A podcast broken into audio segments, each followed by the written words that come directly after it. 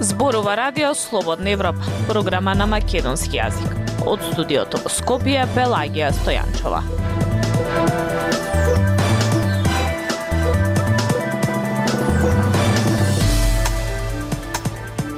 Во денешната емисија на Радио Слободна Европа објавуваме Православната црква протестира против законите за родова еднаквост и за матична евиденција, а подршка добија и од Исламската верска заедница.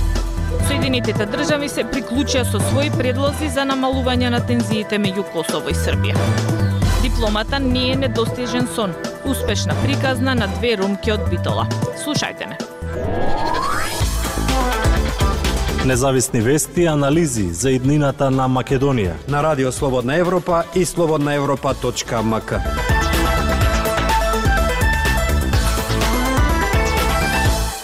Македонската православна црква организираше протест против законите за родова еднаквост и за матична евиденција.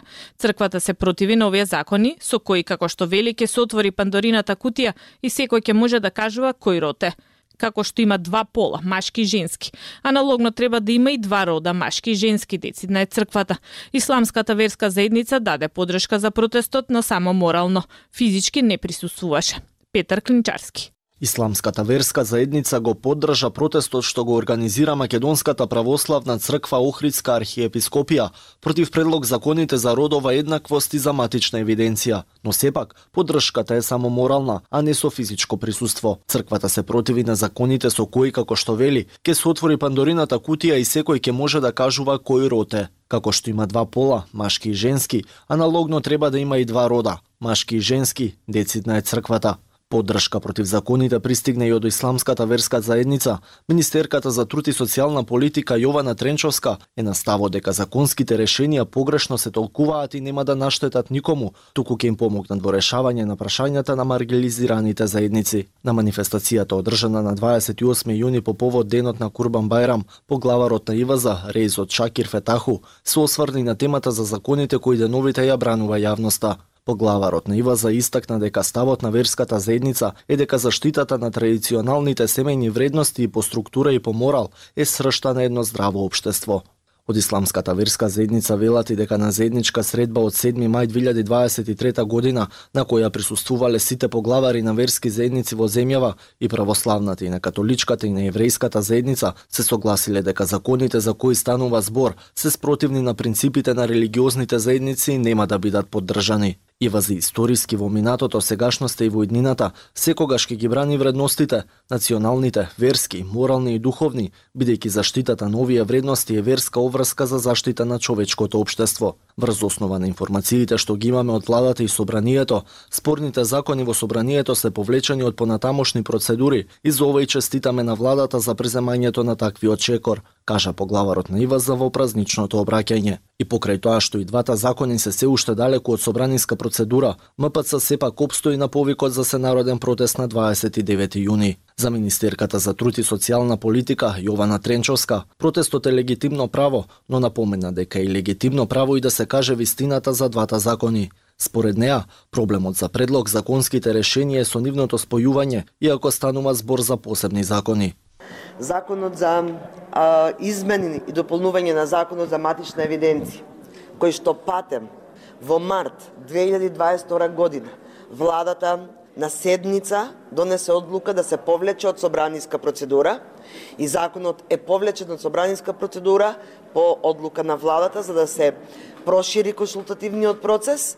Законот за родова еднаквост реков дека се фокусира единствено на унапредувањето на положбата на жените во општеството. Законот за родова еднаквост не е исто што и законот за матична евиденција.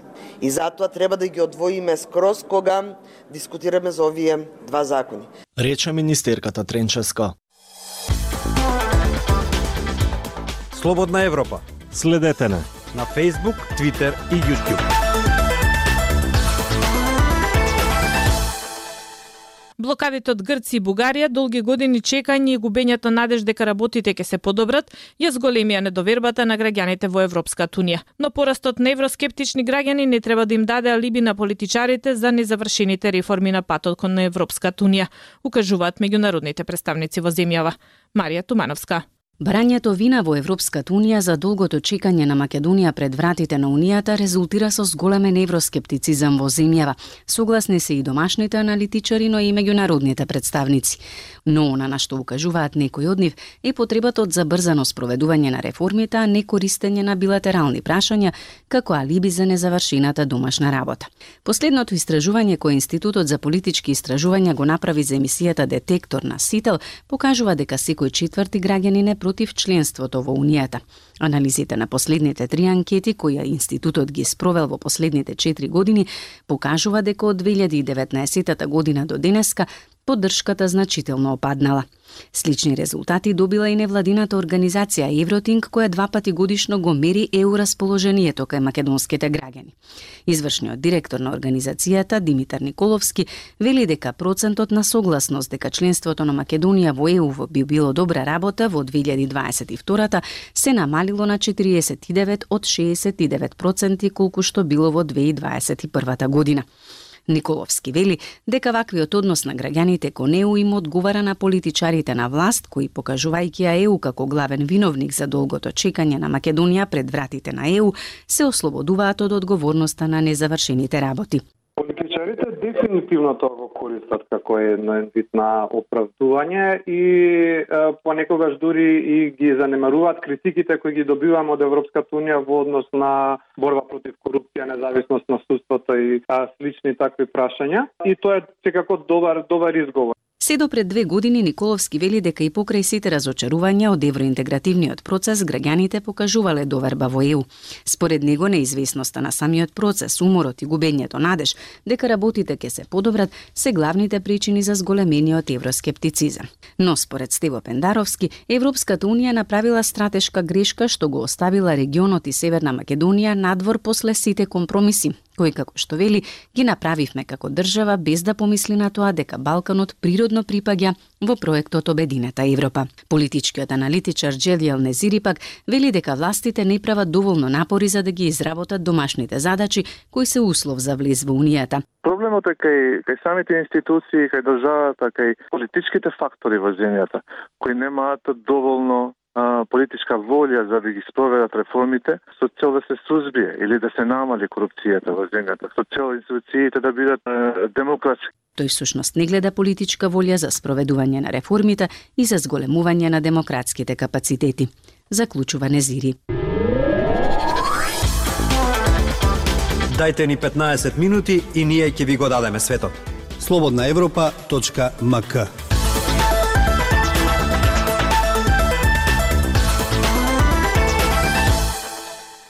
Две ромки од Битола за Радио Слободна Европа ги раскажуваат своите приказни за тоа како завршиле високо образование, што не е многу честа појава меѓу ромките во земјава. Едната имала подршка за да учи, а другата препреки со кои се борела за да стигне до високо образование.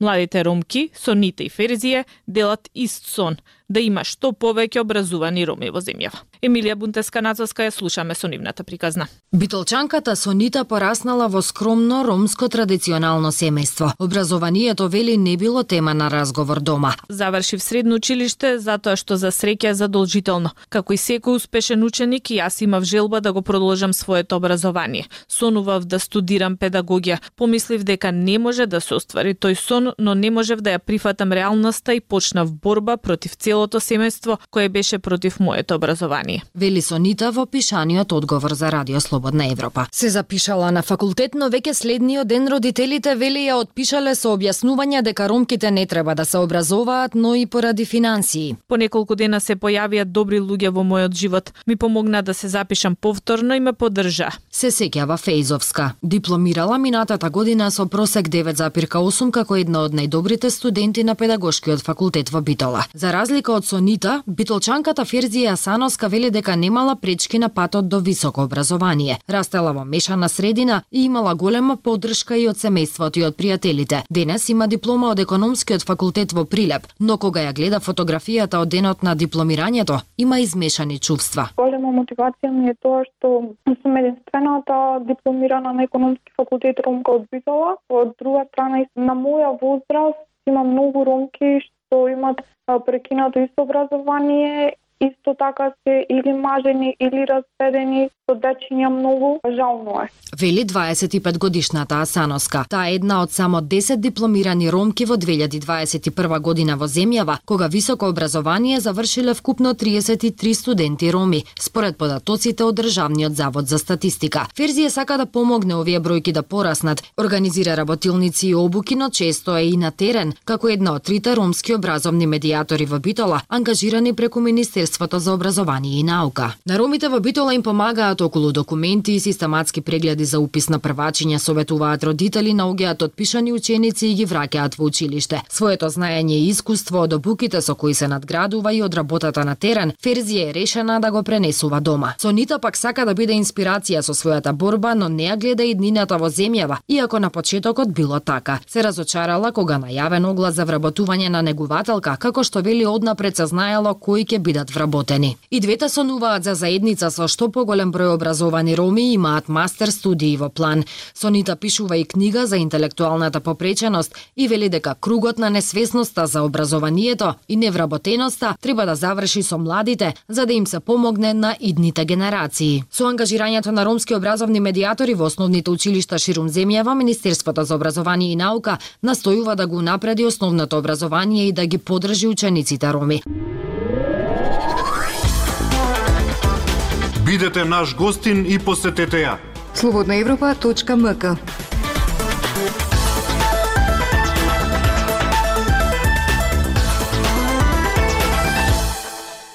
Група американски сенатори побара од председателот на Соединетите држави Џо Бајден да изврши дипломатски притисок за да се стави крај на кризата на северот на Косово. Ова е последен во серијата предлози за смирување на тензиите, откако албанските градоначалници влегоа во општинските згради во Звечан, Лепосавич и Зубин Поток, каде живее мнозинско српско население, а тоа доведе до протести и судири со војниците на квор.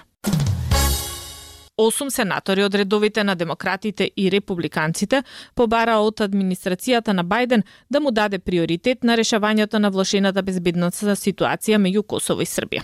Во писмото, американските сенатори го повикуваат Бајден да изврши дипломатски притисок за да се стави крај на сегашната криза. Тие исто така предупредија на преиспитување на поддршката од Конгресот доколку Косово и Србија не се воздржат и ако не работат на деескалација. Сенаторите побараа од администрацијата на Бајден да поднесе извештај до Американскиот Сенат за актуелната безбедносна ситуација во Северно Косово.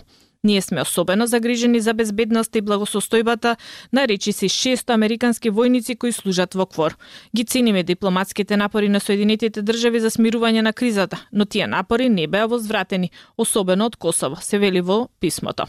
Предходно Европската унија представи план за решавање на кризата, кој вклучува повлекување на специјалната полиција на Косово од северот и префрлање на градоначалниците во алтернативни простории, како и распишување нови избори на северот и санкционирање на демонстрантите кои ги нападна војниците на КВОР на крајот на мај. Специјалниот представник на Европската унија за диалог меѓу Косово и Србија Мирослав Лајчак во Европскиот парламент го представи планот за намалување на тензиите на северот на Косово. Се очекува Србија да овозможи учество на србите на изборите и да обезбеди дека нема да бидат заплашувани поради нивниот личен избор да гласат, како и да им даде подршка на надлежните органи во акциите против напаѓачите за време на протести протестите на северот од Косово. Душан Јанич од невладиниот форум за етнички односи оценува за Радио Слободна Европа дека Европската унија нема капацитет или доволно силен авторитет да го води процесот на деескалација. Тој проблем треба да им се остави на земјите од Квинта и НАТО алијансата, смета Јанич. Свој предлог даде и албанскиот премиер Еди Рама за организирање меѓународна конференција на високо ниво за изнаоѓање решение за кризата во Косово. Тој во Брисел посредбата со европскиот шеф на дипломатијата Жозе Борел изрази надеж дека ова идеја ќе ги доведе лидерите на Косово и Србија и нивните тимови на иста маса, заедно со тимовите на САД и на Европската унија и дека тие нема да смеат да си одат без договор.